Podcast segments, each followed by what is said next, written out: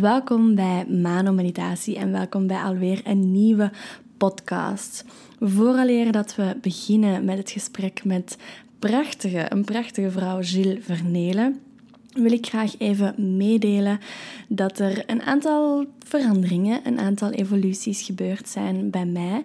En meer bepaald bij het traject dat nu in november zal starten. Op 20 november start het. De datum is een beetje verlaat. En ook de naam van het traject is veranderd. Wat dat voordien de Ajewa-cirkel was, is een tweetal weken geleden um, heb ik opeens doorgekregen dat ik die naam diende te veranderen. En de nieuwe naam van het traject is nu Into the Body. De reden dat ik die naam veranderd heb, of dat dat is opgekomen, is omdat die naam veel beter en veel helderder weergeeft van waar dat het traject om gaat. Namelijk over het thuiskomen en het inzakken in uw eigen lichaam.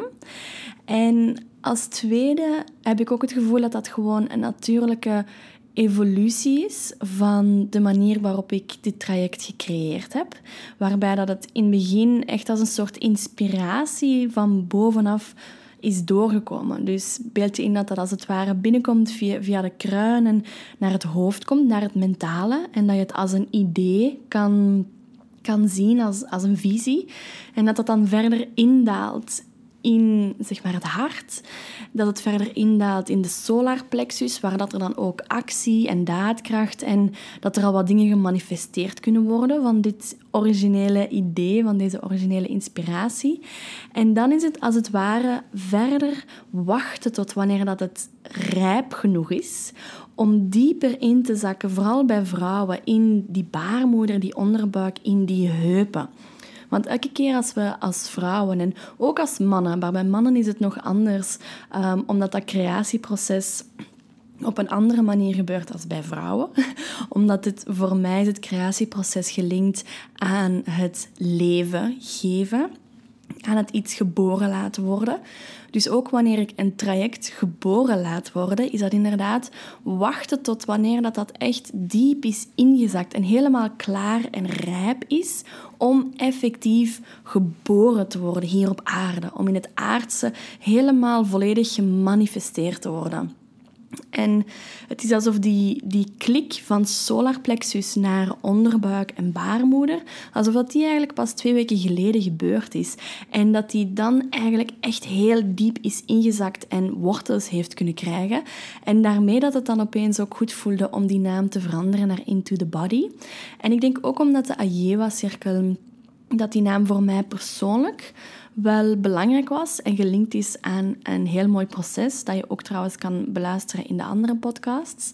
Ehm, maar ja, dat het als het ware niet bedoeld is dat dit de naam verder zou zijn voor dit traject. Uh, dus vandaar de verandering naar Into the Body. Maar weet ook dat de podcast die ik nu heb opgenomen met Gilles, dat Chill ook een onderdeel is van dit traject Into the Body. En dat zijn shamanistische opstelling gaat geven in dit traject. Om ook, zeg maar, toch in die energetische lagen te gaan kijken van wat houdt er mij tegen om echt, echt, echt thuis te komen en in te zakken, in te dalen in mijn lichaam. En in, in die heerlijke diepte van die heupen. Daar gaat zij een stukje uh, gaat zij ons bij, bij helpen en in ondersteunen via een shamanistische opstelling dat dus in het traject zit. Maar weet dus dat ik tijdens de podcast dat ik nog steeds spreek over de Ajewa-cirkel, omdat de podcast al een tijdje geleden is. Maar weet dat die traject dus nu Into the Body heet. En als je het op dit moment luistert, het begint dus 20 november en er zijn nog plaatsen. Dus als je graag mee komt doen. Als je graag meer te weten wilt komen over dit traject, kom in contact, stuur mij een mailtje of je kan mij een berichtje sturen op social media.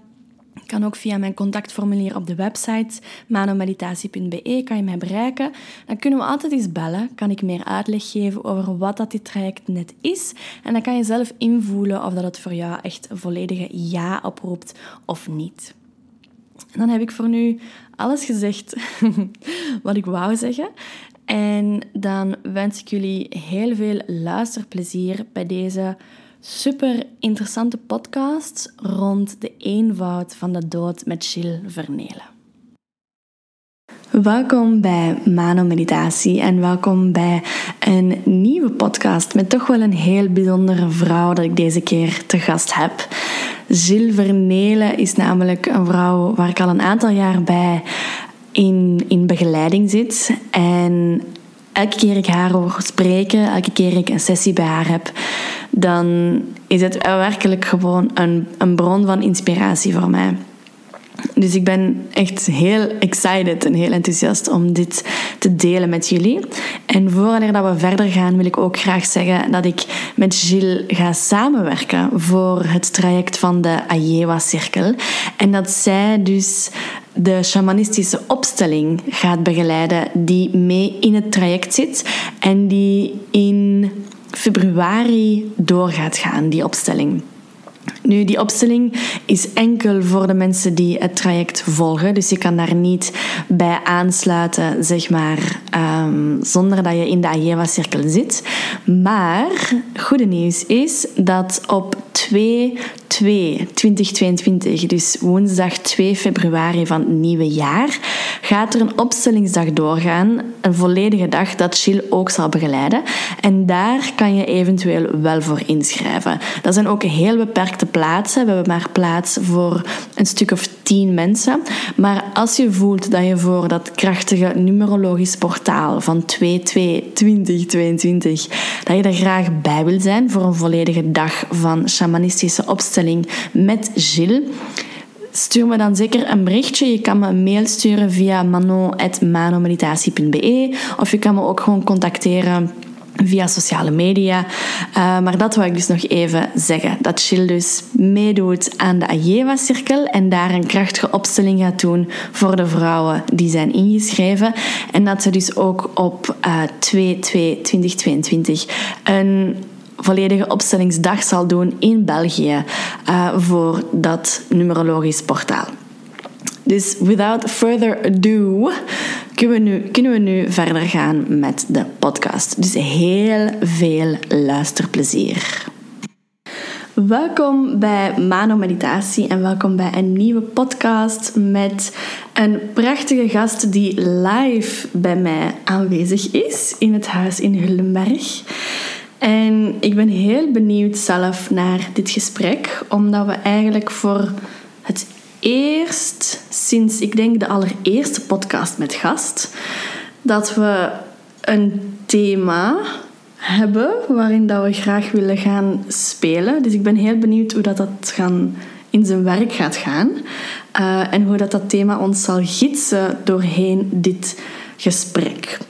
Dus ik zit met Gilles Vernelen in onze living in Huldenberg. Alleen mijn living in Huldenberg. En vooraleer dat we beginnen met het gesprek, um, Gilles, dan check ik altijd eerst even in met de gasten. En dan zetten we samen in intentie om dit gesprek in te gaan. Dus je mag de ogen sluiten en samen gewoon eens diep inademen. En diep uitademen.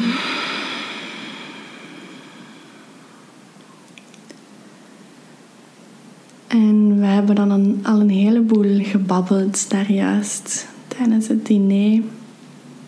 Dus ik zou zeggen, laat alles rustig zakken in het lichaam.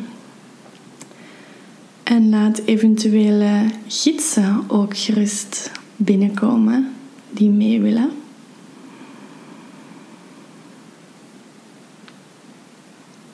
En de intentie voor dit gesprek dat nu binnenkomt, is eigenlijk het thema dat we al besproken hadden, zijn de, de dood.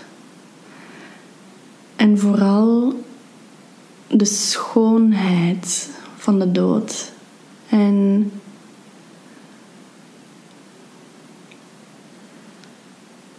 het potentieel van de dood. Dat is een intentie die opkomt. En ik weet niet of er nog een intentie is dat bij jou opkomt, die je graag wil toevoegen hieraan. voor mij vanuit de dood en ook vanuit ja, het voorgaand gesprek de eenvoud vanuit de dood ook. Hoe eigenlijk alles zo simpel is. En hoe dat we het zo complex soms maken als mensen. Dat is iets dat ik heel graag wil meenemen, de eenvoud. Mooi. Hmm. Dan nemen we dat inderdaad mee. Ah. Zo. En is mijn allereerste vraag ook aan de gasten die komen steeds om zichzelf even voor te stellen. Dus om te zeggen, wie, wie ben je en wat doe jij, mevrouw Gilles Vernelen? Dat klinkt zo officieel, hè? Ehm, ja, wie ben ik? Ik ben een vrouw. En eh, wat doe ik? Ik werk heel veel met de dood. Ik heb mijn eigen praktijk, Novan Vitam. Wat dat staat voor nieuw leven. En sinds gisteren had ik zoiets van... Het is niet nieuw leven, het is opnieuw leven. Omdat... Ja, mensen leven precies niet. Zo. Iets wat dat spontaan binnenkwam. En dat is iets wat ik doe in mijn praktijk ook. Ik blaas een soort nieuw leven in. Maar ik help mensen ook, of ik begeleid... Niet helpen, dat doe ik niet graag. Ehm, ik begeleid mensen vooral op hun weg. En daarbij komt ook een heel groot stuk overledenen. Werken met overledenen. Boodschappen doorgeven ehm, die dan nog gedeeld mogen worden. En zo in die velden bewegen, in die subtiele lagen. Vanuit shamanisme ook. En opstellingswerk is ook iets wat ik super graag doe. Ik ben eigenlijk veelzijdig, besef. Ja, best wel, ja. ja, ja dus ehm, ja, ik doe ook tarot. Ik heb een YouTube-channel. Ik heb zo wat van alles. Je kunt mij zo wat links en rechts vinden. Dus, ehm, maar dood is zoiets voor mij. Ik ben ermee geboren. En het heeft mij zo... Het laat me niet los. Het achtervolgt mij. Uh, en ik begin nu maar echt zo de schoonheid ervan in te zien. Zo eerst moeten door alle pijn en alle... Om dan nu de schoonheid van dat veld te zien. Um, dus ja. Dat is wat ik doe en wie ik ben. ja, voilà. ja. ja, dankjewel. Ik denk dat dat inderdaad het meeste omschrijft van wat dat ik al gezien heb van ja, talenten. Want wij kennen elkaar natuurlijk... Um, dat zal nu bijna drie jaar zijn, in oktober. Um, want um, in 2018 ben ik dan mijn, uh, mijn mama verloren. En ben ik eigenlijk bij jou terechtgekomen via een gemeenschappelijke uh, persoon. Om mij te gaan begeleiden in dat rouwproces. En ja, ik vond dat, dat rouwproces en zo dat leven, dat, dat leven met de dood en in die connectie staan met de dood, dat is toch iets waar ten eerste heel veel mensen bang van zijn. Dat sowieso. Wat ook heel heftig is, omdat er zoveel onbegrip en zoveel angst rond is. En ik vraag me af wanneer dat, dat bij jou is beginnen veranderen, hoe dat je naar dood begon te kijken. Van wanneer is dat beginnen rustiger te worden en is de intensiteit daarvan voor jou ook misschien lichter geworden?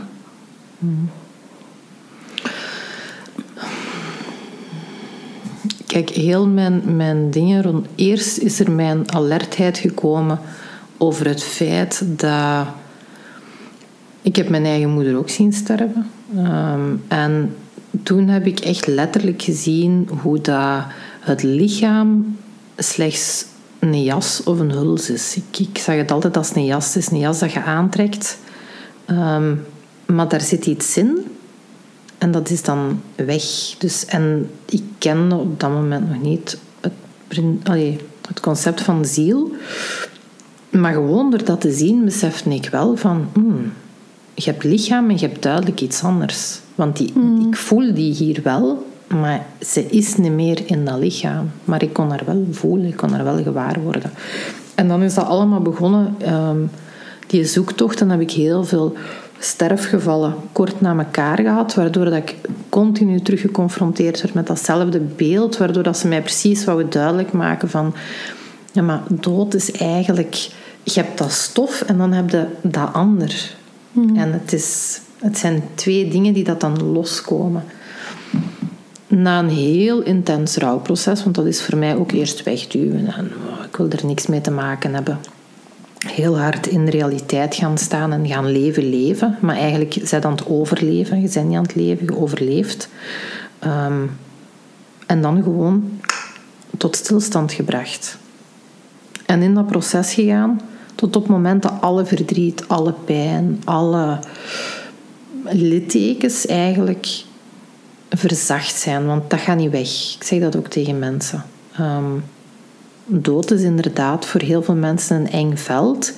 Maar rouw en verlies wordt moeilijk als mensen dat willen loslaten. Dat laten we niet los. Dat laten we nooit los. En ik vergelijk het met litteken. En ik heb zorg gedragen voor dat litteken. Ik heb daar met liefde en, en aandacht en zachtheid, en ik heb u dat ook zien doen in uw proces, ehm, mee omgegaan om dat te leren begrijpen en om dat verhaal verteerbaar te maken. Um, zodoende dat dat kan geïntegreerd worden. Een litteken kan verteerd worden door je lichaam, dat integreert, maar je blijft altijd op die huid, blijft die aftekening zien. En jij kent dat verhaal daarvan. Andere mensen hoeven niet te weten wat dat erachter zit. Maar het is er wel, het is een deel van u. Het maakt u ook tot iets uniek. En die, dan is het bij mij eigenlijk begonnen als zo al die ruwheid daaraf was. Al die diepe pijn en dat verdriet. En dat ik zo het, het potentieel kon zien ook. Wat heb ik daar nu uit gewonnen? Het is misschien raar hoe dat ik dat zeg, maar wat heb ik daaruit gewonnen?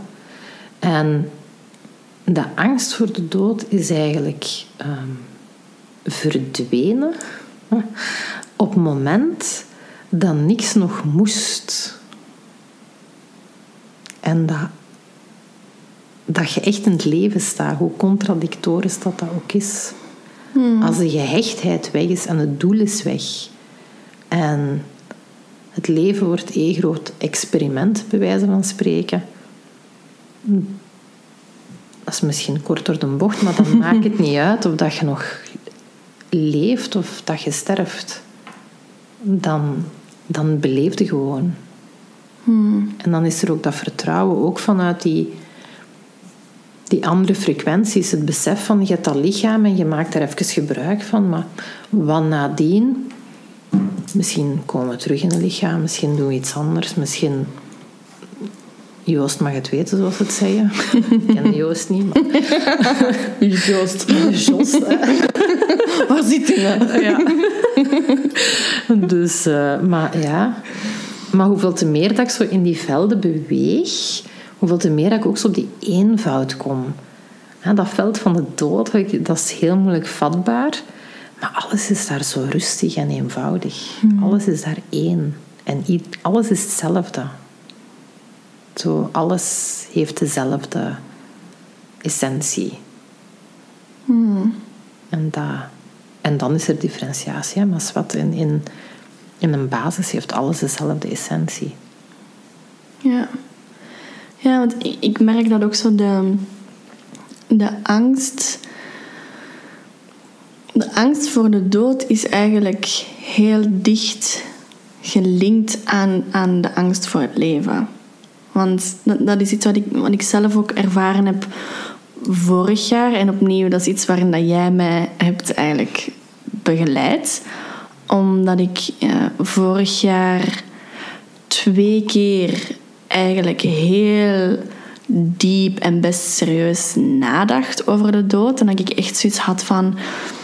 Als ik licht ben in essentie en ik weet dat ik licht ben in essentie, why the fuck zou ik dan kiezen... Ja, het is mijn podcast, dus Ja. ik kies welke woorden dat ik gebruik. Waarom zou ik dan kiezen om hier te leven in zoveel lijden, zoveel angst, zoveel chaos? En het is, het is eigenlijk pas omdat ik zo dicht tegen dat randje van die een dood geweest ben. Allee, relatief dicht. Hè? Want het is niet alsof ik dan een bijna doodervaring of dat ik handelingen heb toegevoegd aan. Maar ja, dat je toch wegschuift van dat leven en dichter en dichter en dichter naar die rand gaat van de dood.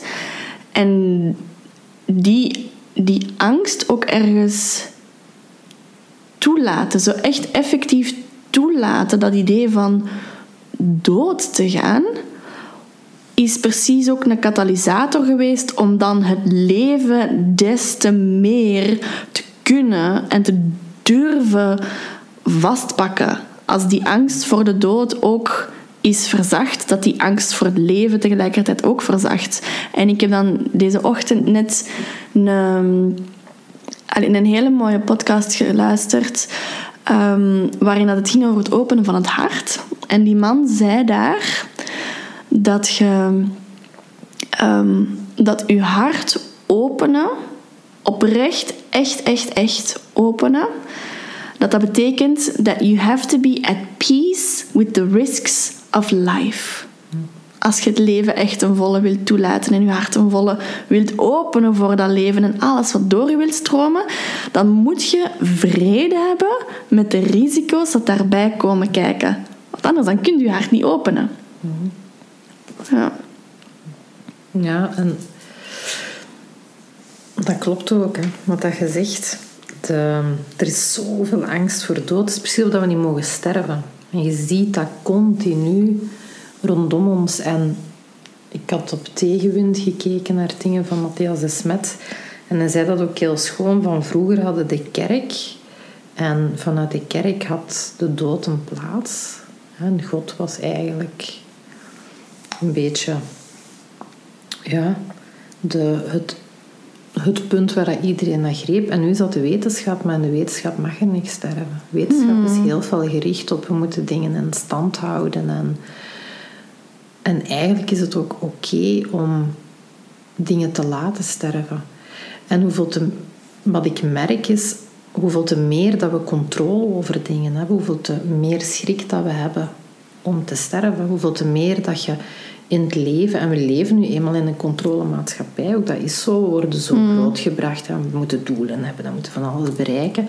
Uh, maar hoeveel te meer dat je daarin zit, hoeveel te minder dat je leeft, je leeft eigenlijk niet, je bent eigenlijk al dood.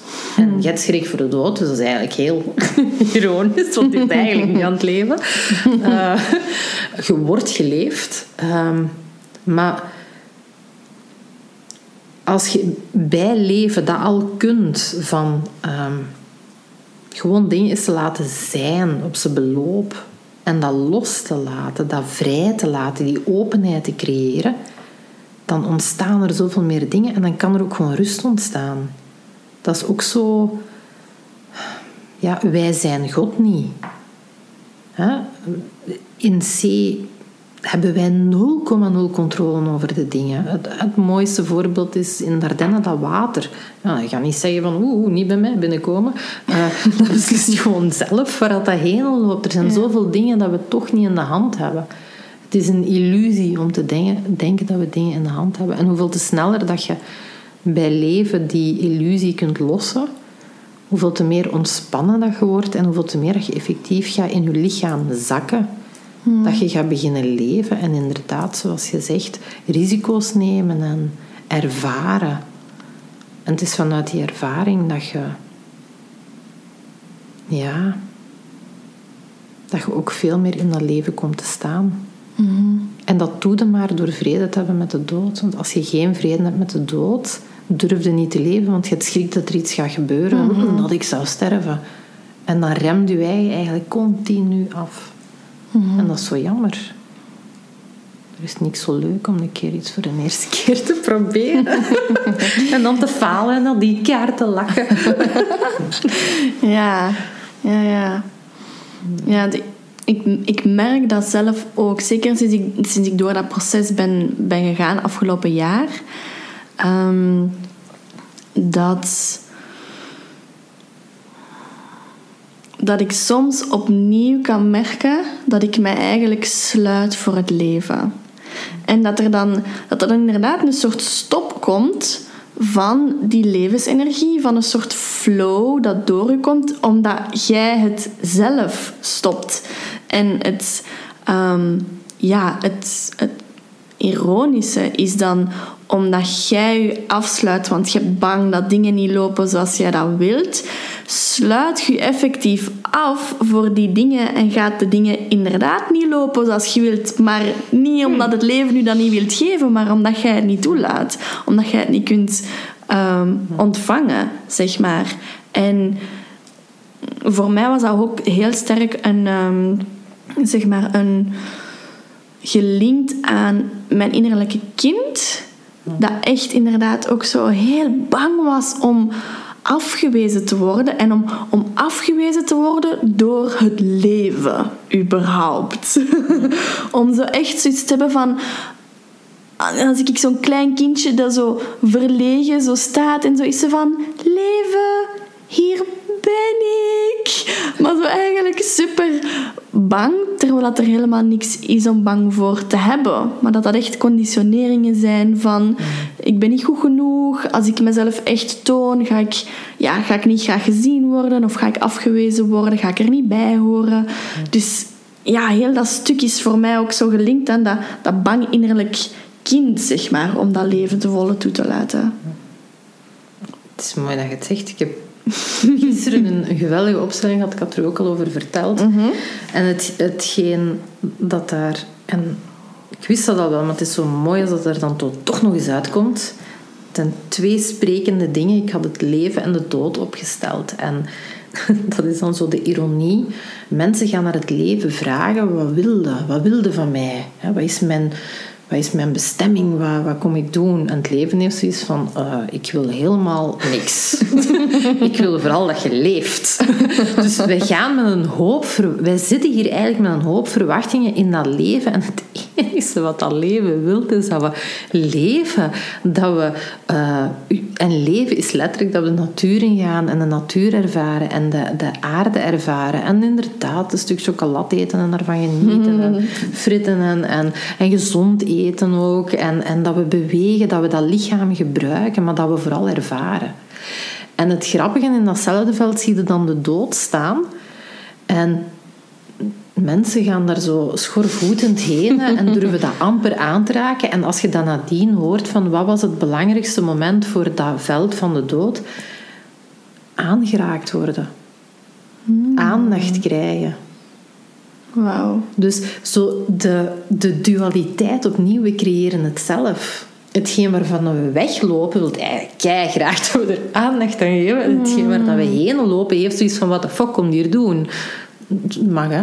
Ja, jij mag het toch gebruiken, ja. Dus dat is zo, en dat is zo de. Uh, en het is de balans ertussen vinden. Als je in die kern tussen dat leven en dat dood kunt staan, dan, dan, ja, dan zit er gewoon. Hè. Dan zit je in mm. perfecte harmonie. En hoe ontstaat dat? En dat heb ik ook gezien. Het heeft allemaal te maken met zelfacceptatie. Als jij je eigen kunt aanvaarden, als jij die dualiteit van het leven kunt zien als een geschenk, en daar gewoon oordeelloos kunt instaan en iedereen zijn proces kunt laten. De ene is wat rapper of de ene heeft wat meer tegenslag, zoals wij dat dan zien, en de andere heeft wat meer geluk. Maar wat is geluk en wat is tegenslag? Ja, misschien is, als ik naar mijn eigen leven kijk, mijn grootste zogezegde tegenslagen zijn eigenlijk wel mijn mooiste groeimomenten geweest. Mhm. Ik heb daar zoveel uit gehaald. Ik ben daar zoveel door gegroeid. En ik heb ook shit gezien, zoals iedereen. Ehm, maar dat is het. Het is dat aanvaarden dat dat is en dat oordeel loslaten en dan in die zelfliefde gaan. En dan eigenlijk gaan verbinden met dat wezenlijke ik dat authentiek deel, dat wat dat u uniek maakt. Want iedereen is anders. We zijn allemaal individuen. We zijn individueel. En dat is ook net wat we kunnen in het leven. In die dualiteit kunnen we individueel zijn. In de dood is alles één. Pff, individualiteit, daar hebben ze lak aan. Hè? We staan niet, we zijn één grote soep. Hè? Allee. Dus dat is net het potentieel van het leven, is die individualiteit. En als je je kunt aanvaarden als individu en jezelf tot expressie kunt brengen dan, op uw manier, hoe dat, dat goed voelt voor u, in uw tempo, want dat was ook een hele belangrijke. Als je tempo niet volgt, dan schieten we weer in die controle. En dan gaat het terug, zoals je zei, van in dat afsluiten. En als je gewoon in die aanvaarding zit en je volgt je eigen tempo en ritme, ja, dan heb je die openheid. En dan wordt het fun, dan wordt het spelen, dan is het gewoon leuk. En, en dan krijg je uiteindelijk zelfvertrouwen, zijn je vertrokken. En dat innerlijke kind, dat staat centraal, want het authentieke deel is net in dat innerlijke kind. Hè. Dat weet dat. Hè. Dat is... En als dat helemaal op orde staat, vertrokken is niet zo moeilijk. Hè.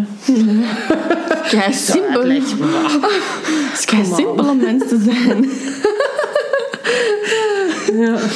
Want ik vraag me dan ook af, want dat zijn... Ja, ik heb hier u nu te gast, dus ik kan naar hartelief vragen wat ik wil. Ehm, want ik heb bijvoorbeeld met een aantal mensen dat ik een hele sterke connectie voel op zielsniveau, zeg maar in die meer etherische lagen.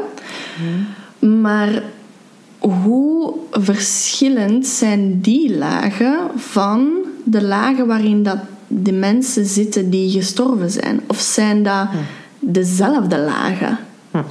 Oké, hoe dat, dat voor mij voelt en vanuit, bij mij is echt vanuit exploratie, ook vanuit communicatie met overledenen, van in die velden echt bewegen. Wat ik ervaar en hoe ik het omschrijf is van, en dat, gaat ook in, in verschillende geschriften vinden, hè? maar je hebt dus je, je, je stoffelijk lichaam, dat komt los en dan zitten inderdaad in die etherische lagen. Maar dan gaat het eigenlijk nog verder. Dan gaat die, je moet dat zien als, als een vibratie dat eerst heel dens is en dat eh, fijner en fijner wordt totdat het eigenlijk niet meer bestaat. En dan zitten we weer in die eenheid. En wat ik voel is als... ehm, een beetje afhankelijk van hoe mensen overlijden, hoe lang dat geleden is, kunnen die eh, feller of minder fel voelen. Ehm, zit daar nog eh, emotie op of niet? Dus daar is ook een verschil tussen. Je, je hebt mensen die overgegaan zijn waar dat geen emoties niet meer zitten, waar, dat, waar dat er echt vrede is. Die, dat, die waren op het einde, die hebben rust met hun, met hun overgaan. Dat is in alle zaligheid gebeurd. Die voelen heel anders als mensen die dat heel plots zijn komen te overlijden. En eh, waar dat echt nog die emotionele laag zit, dat, dat, dat oei, ik had misschien toch wel meer in dat leven willen staan. Ehm, dus daar zit echt wel een verschil tussen. Maar als zij willen communiceren, als er iets is dat... En zij, voor mij is zij het al, het universum, het... Joost mag het weten. Die, Veld. weer die Joost, wat? die Joost. Ja, ik heb het met Joost. Eh, als die iets willen duidelijk maken, zij gaan altijd beelden of symbolen gebruiken dat we kennen. En vaak maken ze dan gebruik van een overledene om u iets duidelijk te maken. Waarom? Omdat je daar gewoon, je gaat er geen luisteren. Ons bomma is met een droom dat komen zeggen, alright, ik moet dat doen. Hè. Want als de bomma dat zegt, dan eh, is dat dan de bomma? Dat voelt als de bomma. Dat is de energie van de bomma. Maar is dat 100% de bomma? Dat weet ik niet. Ik heb ook ooit voorgehad met een man. En moest je nu luisteren, dan gaat je direct zeggen... Oh, ik ken die vrouw. Ehm, Is dat Joost? absoluut, nee, dat is geen Joost. Eh, dat was ook absoluut niks seksueel, daar gaat het niet over. Eh, Het was ook een veel een oudere man als mij, dus het was niet zoiets van... hmm. Eh, maar een hele toffe wel, een, een hele sympathieke mens. En ehm, wij namen afscheid na een heel leuk, boeiend gesprek. En zoals dat soms gaat, je geeft dan een omhelzing. En ik had iets zoiets van, what the fuck is deze? ik voelde mij echt zo samensmelten. Alsof dat wij... ehm, één energieveld waren en dat wij ook letterlijk één persoon waren. Ik had zoiets van, dude, eigenlijk hoorde jij wel bij mij. Zo, jij moet mee of zo. Klopt beter. Ehm, en die had dat ook. En die vrouw was er zo wat aan het zien van... Wat is dat, Dat was allemaal? zeer oncomfortabel, maar toch hadden wij zoiets van... Hmm. En die keek naar mij en hij ook gevoeld. Zeg, ja, hm, sociaal, hè? Ja, oké. Ik begrijp het niet, maar... Alright. En dan ben ik daar zo wat beginnen over mijmeren van... Maar ja, wat heb ik dan gevoeld? En dat is heel persoonlijk en niemand hoeft dit voor waarheid te nemen, maar zo voelt het voor mij, is van, vanuit die frequenties. Hè, je hebt die soep, dat één, we zijn allemaal één. Dus eigenlijk zijn we allemaal één klotter energie. En op een gegeven moment krijg je het idee van, "Mwah, ik ga nog eens een keer een experimentje op aarde doen en geïncarneerd. Alright, we gaan een lichaam vormen. Hè, en dan zit je weer en denken we, shit. No. Why did I do this? Ehm, maar in die afsplitsing neem de verschillende energiestukjes mee. En nu ben ik Jill en nu ben ik 100% Jill, maar misschien was ik op een gegeven moment maar 10% van wat ik nu ben en 20% van die man dat ik gevoeld heb. En is dan net die heel felle, diepe connectie dat ik gevoeld heb. Waar je echt zo een vacuüm voelde in die energie van...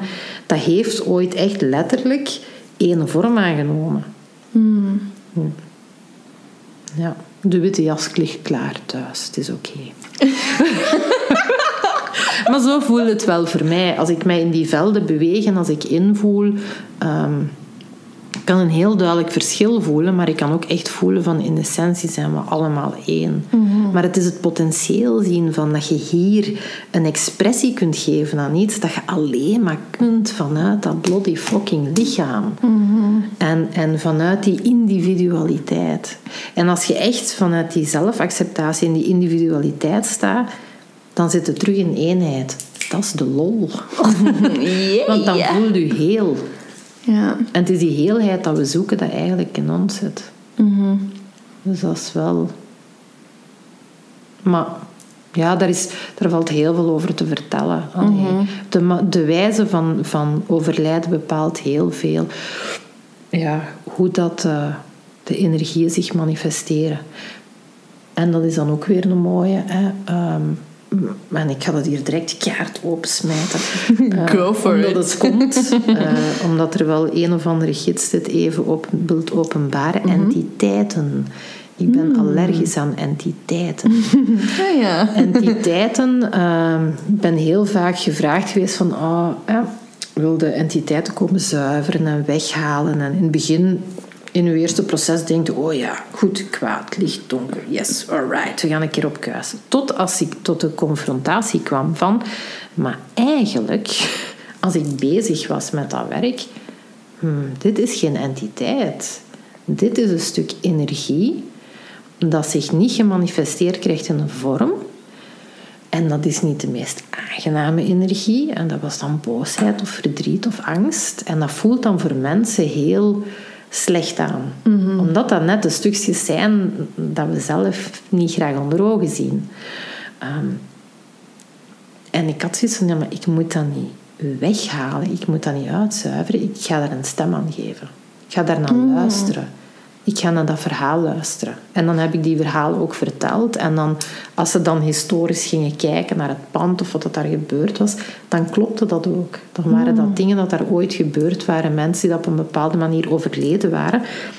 En dan waren stukjes nog eh, boosheid of eh, onbegrip of niet gezien zijn of whatever dat er ook maar zat, dat echt een stem nodig had. En vaak de bewoners van zo'n pand of mensen dat daar rondlopen hebben dan een zeer zachtaardig karakter en eh, vinden het niet oké om boos te worden. Maar iedereen dient wel een keer expressie te geven aan iets dat hem niet fijn vindt, want zo geven we ook je grenzen aan. Zeg niet dat we elkaar op, ons, op mekaars bakkes moeten gaan slagen, maar we mogen wel een keer, je gerust een keer zeggen als iets niet oké is. En het zijn net bij die mensen die hebben dan zoiets van, oh, ik voel heel zware entiteiten. Nee, dat is die boosheid dat er bij jezelf ook niet uitgeraakt. Of dat verdriet dat je ergens heel diep hebt weggestopt. En dat is zwaar, dat zijn energieën in een systeem. Als dat geen ruimte krijgt, dat wordt echt zwaar. Ja. Dat accumuleert als dat geen ruimte krijgt. Ja, want ik heb... Er is hier in... eh, in ons dorp is er de, ehm, de, de graaf en de gravin die hier in het kasteel wonen. En eh, de gravin, zij, ehm, ja, zij ziet ook al van, van heel jong, ziet zij ook eigenlijk mensen die overleden zijn. En ehm, ja, dan, dan voelt zij, ja, ze ziet die echt letterlijk. En ja, heel vaak zegt zij ook van... Die komen naar hier, die komen naar mij... Niet om iets slecht te komen doen... Maar simpelweg omdat die eigenlijk gewoon vragen... Om geholpen te worden... Om ja, te kunnen overgaan... Om te kunnen vrij zijn... Om te kunnen ja, los te komen van waar dat ze vast in zitten... Omwille van weet ik veel welke reden, zeg maar. Dat klopt. Hmm. Ik heb het geluk dat ik ze nog niet zie. dat ze mij dan nog een beetje met rust laat. maar ik voel ze wel en ik ervaar ze wel en ik kan ze wel horen. Uh, en dat is ook wel zo. Ze zoeken een manier om... Er is eigenlijk gewoon iets dat ze willen, willen zeggen. Je kunt dat vergelijken met een klein kindje. Ga je niet Ja. met rust laten tot als je er een luistert. Omdat die ook een boodschap hebben. En een overleden is een beetje hetzelfde. Die hebben een boodschap dat voor hun belangrijk is. Mhm. Ehm, en gewoon, als je ernaar luistert, daarom hoef je er nog niks mee te doen. Dat is al meer dan genoeg. Ja. Dat is wat ze nodig hebben. Meer niet. En Ja, en dat, en dat is eigenlijk zo mooi, omdat dat... En we spreken dan over, ehm, over eenvoud. hm, En wat dat je nu zegt, is gewoon luisteren naar hen. En er eigenlijk laten zijn en gewoon luisteren. Waarschijnlijk ook met, met liefde en geduld en compassie. En dat is ook de manier waarop dat wij met onszelf en met onze innerlijke stukken dienen om te gaan. Als jij inderdaad naar, naar je schaduwkanten gaat kijken of, of je wondes of wat dan ook, is dat op diezelfde manier dat die gewoon ehm, gezien dienen te worden. Die dienen ook gewoon gezien te worden met liefde, met zachtheid. En het enige wat die meestal vragen is uw aandacht, weliswaar echt uw volledige, liefdevolle aandacht, om gewoon te kunnen horen, te kunnen luisteren wat dat zij zeggen, wat dat zij nodig hebben, wat dat zij willen, om dat gewoon geuit te kunnen hebben. En dan is dat meestal gewoon klaar. hm, Dan is dat meestal gewoon klaar. dat is ook... Mm. Je kunt dat allemaal heel complex maken, maar less is more. Dat is echt niks, dat is een goede slogan. Hè? Maar dat is ook zo. Het is eigenlijk zeer simpel. En dat begin ik meer en meer te beseffen. Ik kom ook van alles heel ingewikkeld en moesten van alles. En de normen ook dat er daarin zaten. En de, oeh, je mocht dit niet, oeh, je mocht dat niet. En let op met dit en let op met dat. Het is voor iedereen anders. En ehm, als mensen waarde hechten aan elke dag naar een graf gaan, omdat dat bij leven hun deugd doet, die een overledene gaat echt niet daardoor tegengehouden worden omdat iemand elke dag naar een graf gaat om een keer een klapje te gaan doen. Ehm, er is een heel groot verschil. En die normering heb ik in het begin ook wel heel veel meegekregen. En dat laat ik nu echt wel los, omdat ik voel dat het niet zo is. Ik krijg soms mensen bij mij die dat inderdaad regelmatig naar een graf gaan en naar gaan praten, omdat dat hun toevluchtsoord is. Als ik dan een overledene invoel, dan is dat niet dat hij zoiets heeft van "Oh, ik raak niet verder. nee, die is juist heel blij dat hem gezien wordt. Dat hem erkend wordt.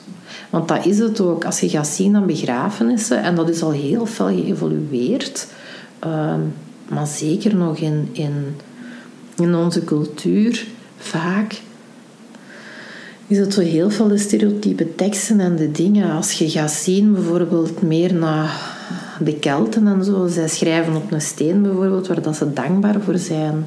Wat dat die persoon hun heeft bijgebracht, dat is zo een vorm van erkenning. Ik mis soms zo die erkenning van die persoon. Ik zeg het, het is al enorm geëvolueerd. Ehm, en ik zie ook wel de waarde van de kerk als een instituut met heel veel draagkracht, want dat is ook nodig om zo fel te dragen. Maar zo een huwelijk tussen zou heel fijn zijn. Zo. Ehm, die draagkracht en die openheid om mensen echt gewoon te gaan eren ehm, in wat dat ze bijgedragen hebben. Want iedereen raakt u op een bepaalde manier. hè. Ja. Moest jij kunnen dromen van op een gegeven moment een, een, een wereld waarin dat de dood geïntegreerd en geaccepteerd zou zijn, ehm, hoe, hoe ziet je dat dan dat dat eruit zou zien? En eventueel ook van hoe zouden dan begrafenissen en zo eruit zien? Als je gewoon helemaal echt mocht dromen volgens uw voorkeuren en volgens uw kennis. Hoe zou dat eruit zien? Daar ben ik wel benieuwd naar. Voor mij, ook weer persoonlijk, ehm, sowieso eh, het laatste stuk zo voordat je effectief sterft. Op een plaats waar dat je je goed voelt, oftewel thuis. Ik weet dat dat niet voor iedereen eh, zo evident is, maar als je dat thuis kunt doen in een vertrouwde omgeving, dat zou ik heel fijn vinden. Met muziek dat ik leuk zou vinden, met, met ja, wierook dat ik fijn vind, met eh, zacht licht, ehm, mensen die langskomen. Ook al ben ik mij daar niet altijd bewust van, maar toch dat daar leven is. Mijn katten. Ik zou heel, heel fijn vinden moesten mijn katten daar rondlopen en op mij komen liggen. En, ehm, ja, dat gevoel dat je omringd bent, dat je niet alleen bent. Maar evenzeer ook dat je, dat je rust kunt ervaren in een sfeer waar dat je echt ja, gelukzalig van wordt.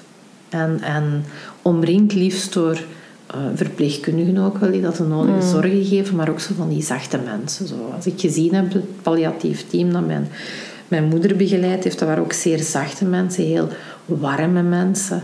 Uh, ik heb daar heel fijne herinneringen aan. Um, ja, zo op die manier, dat vind ik ook wel belangrijk. En dan er naartoe werken, dat je echt kunt voelen van oké, okay, mijn tijd komt. Dat ook daar de nodige aandacht besteed wordt aan de omkadering. Dat ze mijn haar ook kammen, dat alle knopen eruit zijn. Dat ik ritueel gewassen word, dat zou ik ook heel fijn vinden met bijpassende oliën. Of, maar gewoon dat ze mij reinigen.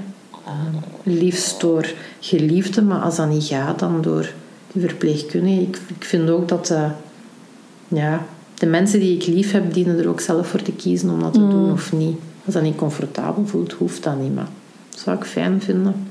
En dan gewikkeld worden gewoon in doeken. Dus mijn lichaam zoveel mogelijk conserveren, uh, in doeken leggen. En dat is niet zo appetijtelijk, um, dus dat is niet voor iedereen weggelegd. Um, en daar ook weer dat is mijn ideaal beeld. Maar kan voor um, levende mensen heel tekenend zijn als laatste beeld om te zien. Ik zou het liefst een natuurlijke ontbinding hebben, zodat ik weet dat het moment dat ik verbrand word ook het moment is dat mijn uh, etherische laag helemaal los is van mijn stoffelijke laag. Dat ik weet dat ik hmm. helemaal losgekomen ben en dat er letterlijk echt nog maar een jas ligt. En dat kun je zien aan de graad van ontbinding. Dus dat zou ik wel uh, heel fijn vinden, maar again, mm. dat is niet appetijtelijk om te zien. Dus in dat opzicht kan ik mij inbeelden dat mensen ervoor kiezen om een echte professionele opbaring te laten doen, waar dat die ontbinding um, niet zo extreem gaat. Dus Mm. Ik laat ze vrij en ik vertrouw er dan op dat uh, zij wel aanvoelen of dat ik wel zo ergens een signaal zal geven van ja, nu mogen mij verbranden. Maar dat ze daar ook rekening mee houden. Stel dat het al na drie dagen is, dat ik na drie dagen... Want ja, daar zijn ook zo'n normeringen over, maar dat is ook heel fluctuerend. Dat hangt echt van persoon tot persoon en van proces tot proces. En bij sommigen duurt dat langer en bij sommigen duurt dat minder lang. Mm. En dan gewoon verbranden. Um, of resumeren, dat is, dat is het omgekeerde, dat is met, met koude. Dus dat is hetzelfde proces, maar dan in plaats van met hitte, met koude. Dat is iets ecologischer. Bestaat nog niet in België, als ik me niet vergis. Uh, in Nederland bestaat dat al wel. Maar dat komt in België ook nog wel. Bij deze is dat gelanceerd. dat is eco-friendly, dus... ehm, en dan gewoon mijn assen liefst ergens op een plaats. Bij een boom of in de natuur of ergens waar ik mij thuis voel. Ehm, en ik zal die plek tegen dan nog wel bekend maken waar ik me op dat moment zo echt wel goed voel. Vroeger was dat strooi mij uit in Azië. Nu heb ik zoiets van, nee, het mag dichter bij huis. Ehm, maar vooral dat, dat assen. Dat dat, dat dat stoffelijk lichaam voor mij dat hoeft niet verteerd te worden door de aarde, maar gewoon opgebrand worden. Want als, als mijn etherische laag toch losgekomen is, heb ik geen hechting, dus heeft het echt geen nut meer. Ehm, en ik vind nog altijd het meest ecologische is gewoon dat we eh, cremeren of resomeren en dan ja, met de assen iets doen. Eh, en daar kunnen zoveel mooie dingen mee doen hè, met die assen. Maar dan heb je niet meer al die graftombes die daar ja, zoveel vierkante meters aarde bedekken. En ik snap wel het nut dat je daar wilt heen gaan als anker, maar evenzeer kun je een boom planten in je tuin en is dat je anker. Je hebt ook speciaal bloempotten waar je die assen kunt insteken en dat plant kunt in laten eh, groeien. En dat wordt dan gemonitord dat je dat water moet geven, dat dat verzorging nodig heeft. Er zijn zoveel leuke projecten om ook een, een, een houvast te hebben in de materie, maar niet zozeer die grafsteen. Ja. Want bij ons aan het kerkhof hebben we heel veel beloops. En dat is een, een heel fijn kerkhof. Dat is altijd groen, wordt goed verzorgd. Daar zien we heel vaak mensen. Er zijn ook heel veel kerkhoven waar je niemand niet ziet. Mm, ja, die zo'n beetje ellendig erbij liggen Ja. en zo. Ja. Heeft ook wel zijn charme. een van mijn favoriete bezigheden. Uiteraard. Ja, als we op vakantie gaan, gaan we altijd naar de begraafplaatsen. Dat is heel fascinerend. Ja. Ja, en ook qua dienst gewoon vrij. Hè. Ik heb ook altijd gezegd van ik wil niet te veel serieus gedoe. Ik wil dat er gelachen wordt. Ik wil dat er verhalen ge- gedeeld worden rond de kist. Ik wil ehm, muziek dat ik graag hoor. En opnieuw katten en dieren en natuur. En ja... En voor mij mag dat gerust in, in, in een kerk, maar evenzeer gewoon op een krachtplaats in de natuur. Ehm, het is de manier waarop het gedaan wordt, dat is voor mij veel belangrijker als de, de plaats. De plaats is in C is dat bijzaak, maar het is de manier waarop. Ik wil echt dat ik, ja, voor mij, dat het over mij gaat. En Julie in de spotlight. Yes, zo de laatste keer. Ja. Ja, ja, dat zou ik wel heel fijn vinden. Ja. En dat is ja, het eren van de mensen. Zo fijn. En zo van een potluck of zo. Zo leuk, lekker, een lange tafel en dan iedereen eraan. En gewoon fun, plezier. Dat voor mijn grootmoeder hadden we had ik zo fotoreportages samengesteld en dan kwamen al die foto's en dan krijg je zo spontaan ook al die verhalen die ontstaan. En dat was wel leuk, want dan Ja. hoorden zo verhalen van vroeger. En zo leerde ook mensen op een andere manier kennen. Ja. Omdat iedereen een persoon ervaart vanuit een andere ervaring. En dat is net zo leuk. Mhm. Ja, dat is waar. En als het dan gaat, zeg maar, een stapje verder naar, ehm, naar de maatschappij en zeg maar Ja. het collectief. En als je kunt dromen over hoe dat in een, een toekomstige maatschappij wordt omgegaan met de dood. Is, heb je dan zoiets van, daar is echt nog heel veel groeipotentieel? Of heb je zoiets van, we zijn wel de goede richting aan het uitgaan? Of hoe, hoe zou dat er dan uitzien? Zo'n maatschappij waarin dat de dood echt geïntegreerd is en, en, en geaccepteerd wordt. Hm. Geïntegreerd is ze sowieso, want ze is er, hè. ze is niet wij. hè. Ze is Ja. gewoon niet geaccepteerd. Ja. Ehm, ja, de acceptatie dient te komen vanuit... Dat is een maatschappij zonder controle. Dat is een maatschappij zonder... Oké, we hebben wel ergens een structuur nodig. Ik zeg altijd, eh, je hebt de paard en je hebt de weiland en je hebt een omheining, zodat dat paard een beetje weet eh, waar dat hem beweegt. Eh, maar evenzeer kunnen we erop vertrouwen dat dat paard weet dat, dat hem dat bewegingsveld heeft. Ehm, de structuur is, is eigen ook aan de wereld waar dat we in leven. Maar op dit moment is er gewoon, naar mijn gevoel, extreem veel structuur, extreem veel controle. En ja, dan heb je babyborrels en, en pre-baby toestanden en wat is het nog? Hmm. Eh, ik hoor de gekste dingen tegenwoordig. Die geboorte wordt zoveel aandacht aan besteed en dat vinden we zo vreselijk. Want als je naar de ziel gaat kijken, dan denk je, oh, what the fuck. En als we sterven, denken we allemaal, oh yes, eindelijk rust. Yay, ik heb het gedaan. I reached the end.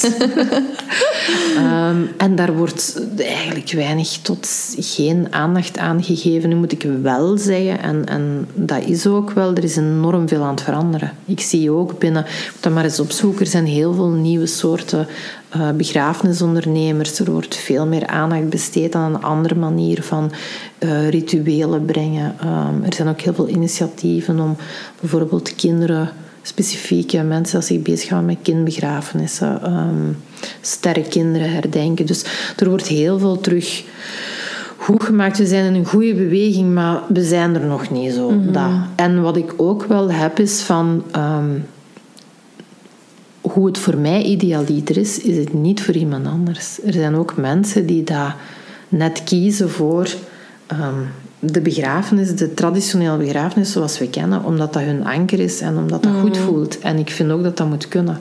Dat is net zo die vrijheid en die individualiteit. Het hoeft niet allemaal hetzelfde te zijn. Zo, er mag een, een, een aroma zijn aan mogelijkheden. Ja. ja. En, maar dat, dat aroma dat ik lekker vind, daar mag zo nog wat meer in komen. Ik zeg het, er zijn heel veel. Er zijn ook al... Um, herdenkingsbossen bijvoorbeeld. Um, er zijn ook al begraafplaatsen waar dat mensen composteren. Zelf minder aangenaam idee, maar um, ja, er zijn echt heel veel leuke, fijne initiatieven. Nederland staat daar natuurlijk veel verder in.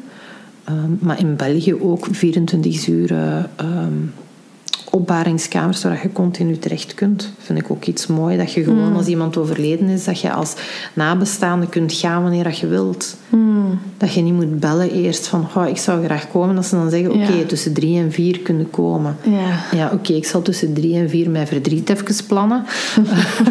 Zo werkt dat niet. Allee, het is net mooi als jij voelt van... Oh, ik heb behoefte om daar gewoon naast te slapen, dat dat kan. Hoe, misschien voor sommige mensen luguber, maar voor andere mensen heel troostend. Iedereen is anders. En dat is Ja. net het mooie eraan, die individualiteit. En dat mankeert nog een beetje. Dus voor mij zo dat aroma... Dat mag er wat meer zijn. Ja. Ja, want wij hadden met het, ehm, met het regelen van de begrafenis van, van mama. Ja, zeker omdat dat een hele plotse dood was. Dus daar was niks van voorbereiding. En als ik, allee, als ik nu terugkijk op de begrafenis en als ik daarmee allee, als ik invoel met uh, mijn mama, dan weet ik dat ze heel blij was met hoe dat de begrafenis gelopen was. Maar ja, die moment zelf, als je dan opeens... Oké, okay, je moeder sterft, onverwachts. En binnen de week moet die begrafenis gepland zijn. Moet je mensen op de hoogte hebben gebracht. Um, ja, bij u zelf duurt het nog weken voordat dat het eigenlijk inzakt. Hmm. Dat die inderdaad, wat dat, dat betekent, wat dat, dat echt betekent, dat die dood is.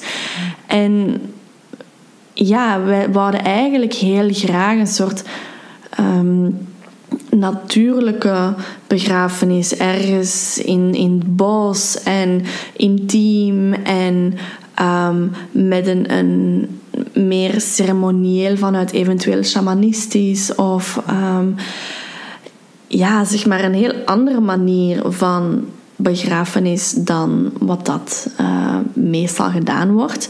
Maar omdat dat op zo'n korte tijd moest gebeuren, ja, hadden wij zoiets van, ja, vind nu maar in, allee, in begin oktober hmm. een, een, een bos, een mooie plek om, om allemaal mensen te ontvangen.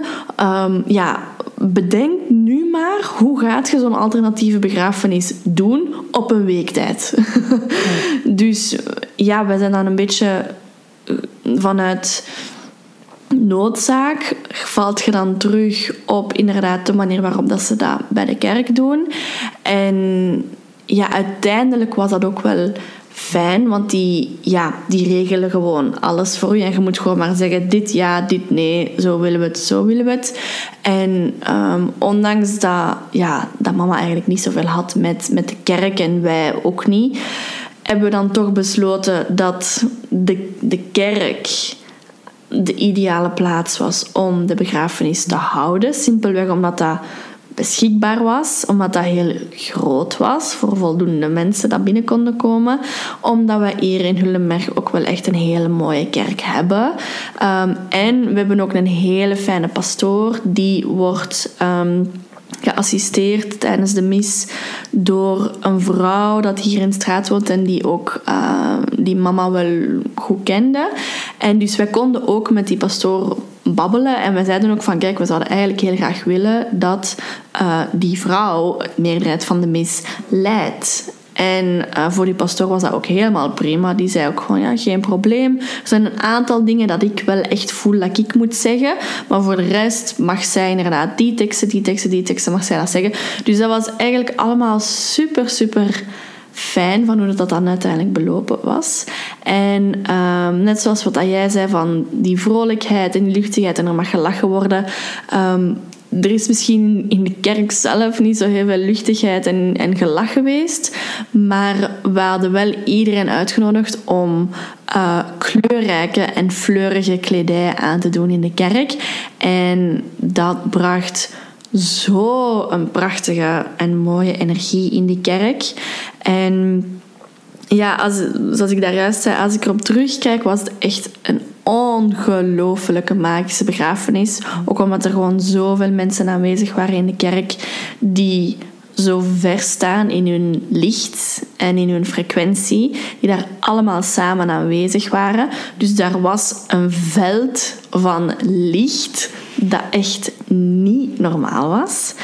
Um, maar ik denk wel dat we het helemaal anders hadden gedaan, moesten wij uh, ja, ten eerste moest, dat, moest het overlijden niet plots zijn geweest. Hè, als je veel tijd op voorhand hebt om het voor te bereiden.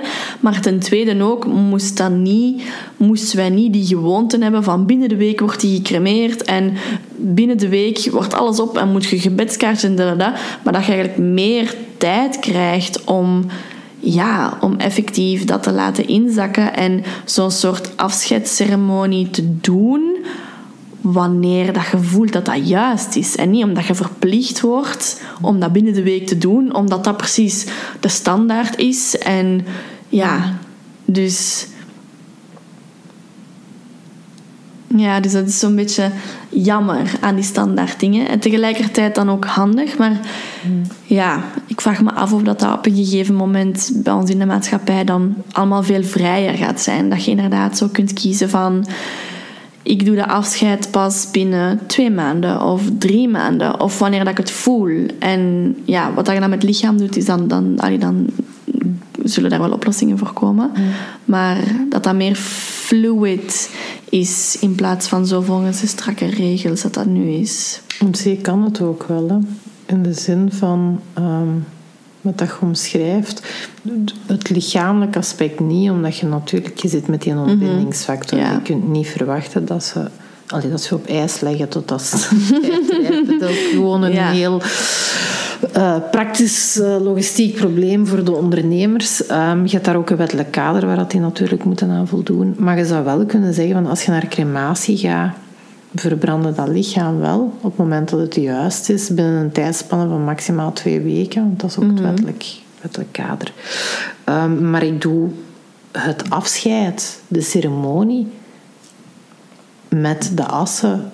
Mm wanneer dat het goed voelt en waar het goed voelt.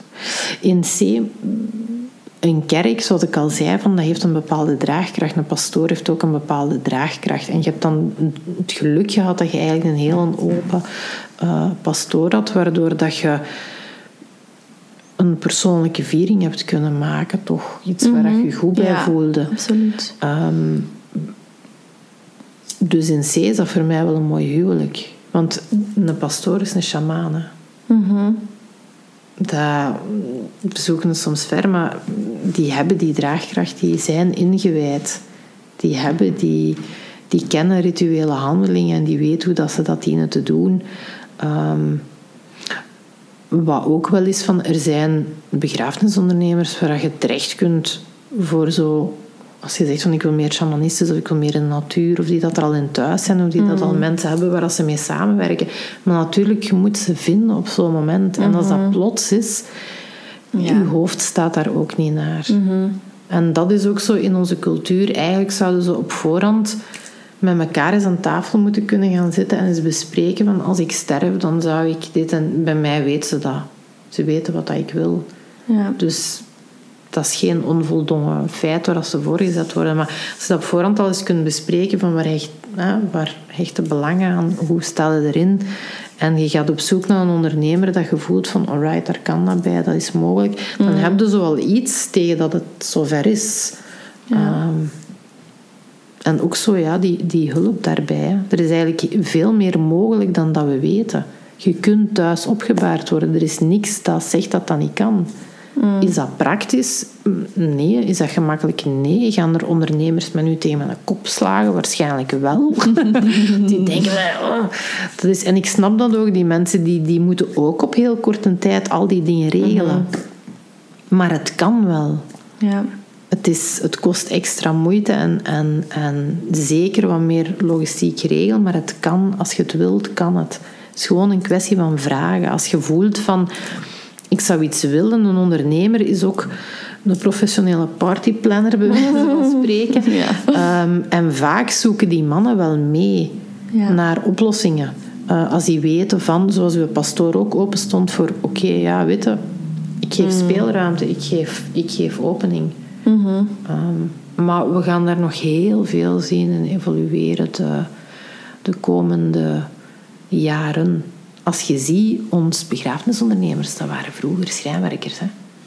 Dat is een vrij jong beroep. Hè. Ah ja. De, de begrafenisondernemers, zoals ze vandaag de dag kennen, bestond niet. Hè. Vroeger werd dat door de mensen in de straat gedaan. Hè. En werden er kommen water onder het bed geschoven om de lichamen koel te houden. En het is door het, het discomfort dat de begrafenisondernemer gekomen is. Want in de winter staat van nog, maar in de zomer en dan met ontbinding. Allee, Mm, niet zo nice. inbeelden dat dat... En vandaar ook die tijdsdruk dat er gekomen is. Ja. Dat is eigenlijk vanuit dat oud, vanuit dat oud principe. En vanuit dat kader kunnen we wel snappen dat ze zeggen... Oké, dat moet hier vooruit gaan. Want eh, ja, als de Joost aan het ontbinden is... Hè, Oh, is de Joost gestorven ondertussen? Ja, het is niet zo dood, jongen. Ja, en zit er een geurtje aan. Dus ja, als je die kaders kent, dan is dat natuurlijk heel anders. Maar we zijn in een moderne tijd. Er is zoveel evolutie, is zoveel mogelijk.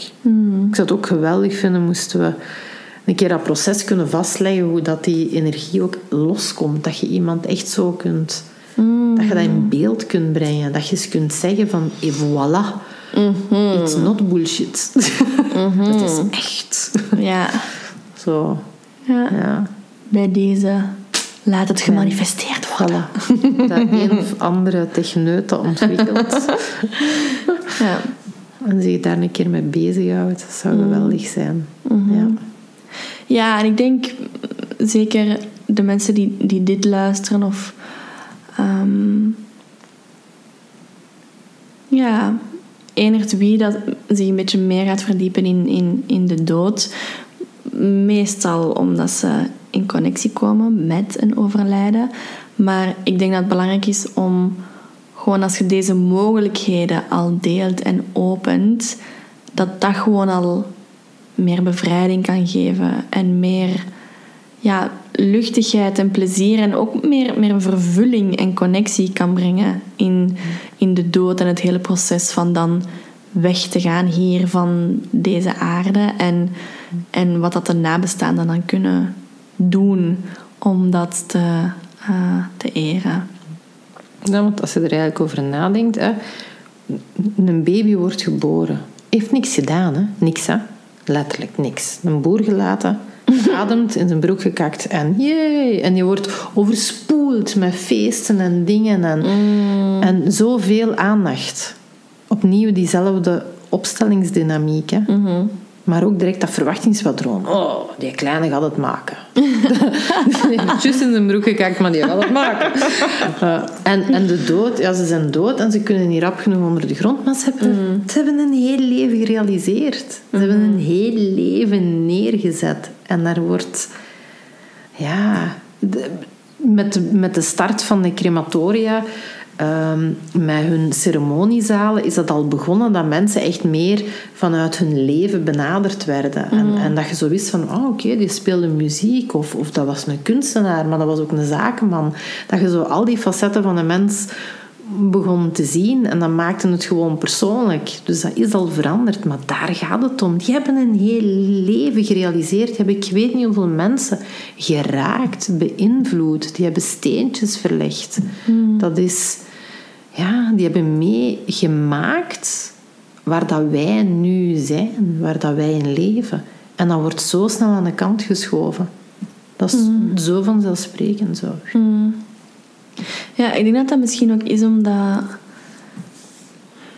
Omdat die de dood met voor de nabestaanden besprenkeld ligt of is of gelaagd is met dan zoveel pijn en verdriet en gemis, omdat heel veel mensen niet het bewustzijn hebben om te zien dat wanneer iemand sterft, dat hij niet per se weg is, dat die zijn aanwezigheid gewoon een andere vorm heeft aangenomen en dat de communicatie daarmee een andere vorm heeft aangenomen, dat de, het verdriet en het gemis en de pijn ehm, het eren van het leven overschaduwen. Maar wel, en dat is, dan, dat is dan de kunst om die mensen de... Allee, dat is ook begrijpelijk, hè? maar het is de kunst om... Er is niks zo krachtig als een lach om pijn te verminderen. Er is niks zo krachtig als eh, herinneringen, verhalen die verteld worden om de pijn te verzachten. Om te horen wat dat die bijgedragen hebben. Hè, Je, je kunt inderdaad je gaan fixeren op wat dat je niet hebt. Of je kunt gaan kijken naar ehm, op zo'n moment, door die verhalen te horen, wat dat die eigenlijk allemaal betekend hebben voor anderen. Los van wat ze betekend hebben voor u. Hè? Maar ook voor anderen. Verhalen dat je niet wist. Plezier dat ze gemaakt hebben. Onnozeliteiten dat ze uitgestoken hebben in hun leven. Ehm, het vallen en opstaan van het bestaan. Maar dat maakt leuke verhalen en dan wordt er gelachen en dan... Dat is ook zo'n koffietafel, is vaak zo...